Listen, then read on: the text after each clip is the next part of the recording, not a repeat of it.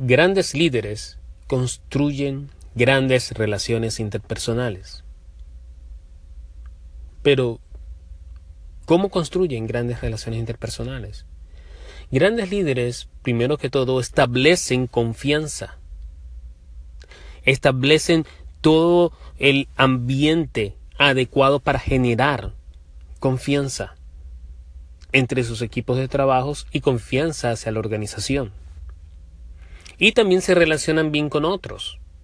Grandes líderes establecen confianza y se relacionan bien con otros.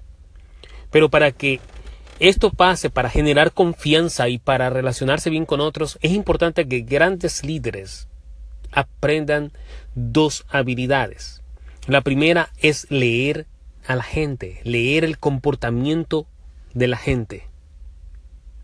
Es como que si tú ves una persona y tú ves su comportamiento, su, su tendencia a comportarse, cómo actúa, cómo reacciona, cómo responde ante ciertos eventos, tú comienzas a aprender de esa persona, tú comienzas ya a leer, tú comienzas a leer las señales, su lenguaje corporal, sus expresiones, tú ya comienzas a leer y a determinar ah, ante esta situación específica, Marcos o, o Steven, ellos van a actuar así o reaccionarían de esta forma incluso hasta para entregar proyectos y delegar órdenes. Tú sabes qué tipo de orden o qué tipo de conflictos podrías delegar a quién.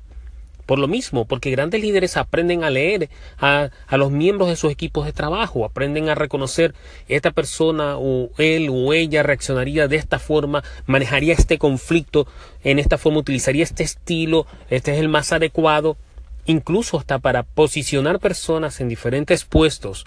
Grandes líderes saben quiénes son las personas adecuadas de acuerdo a sus comportamientos, sus conocimientos, sus habilidades, cómo reaccionan, cómo responden ante el ambiente y ante situaciones de conflicto o de presión, saben a quiénes colocar en qué posición. Y para establecer confianza tú tienes que aprender a leer a la gente, aprender a leer cómo los comportamientos de ellos afectan a los equipos de trabajo y afectan a la organización como un todo. Aparte de eso, los líderes tienen que aprender a leer el contexto donde se desenvuelven las personas y los equipos de trabajo en la organización. El contexto es importante. Es más fácil juzgar o prejuzgar a alguien por su comportamiento, por su acción, por su reacción o su respuesta ante un evento. Es fácil, es fácil juzgar. Pero toca un poco más de trabajo determinar por qué ese comportamiento o esa acción, esa reacción se dio en ese momento.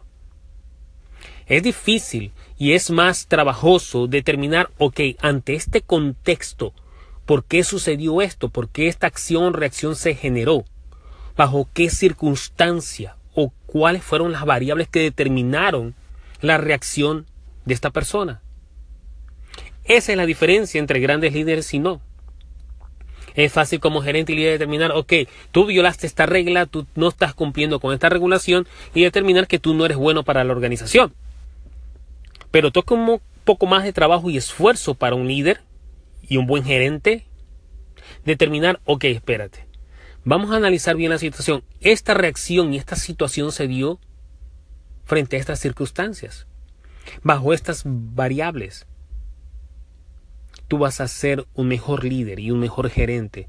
No solamente porque vas a saber comprender a las personas que forman parte de tu equipo de trabajo, sino que también vas a conocer una historia. Siempre hay una historia en cada momento de nuestras vidas, en cada día hay una historia. Y tú como líder, tú tienes que identificar cuál es la historia detrás de cada evento, detrás de cada contexto, detrás de cada comportamiento, reacción y respuesta.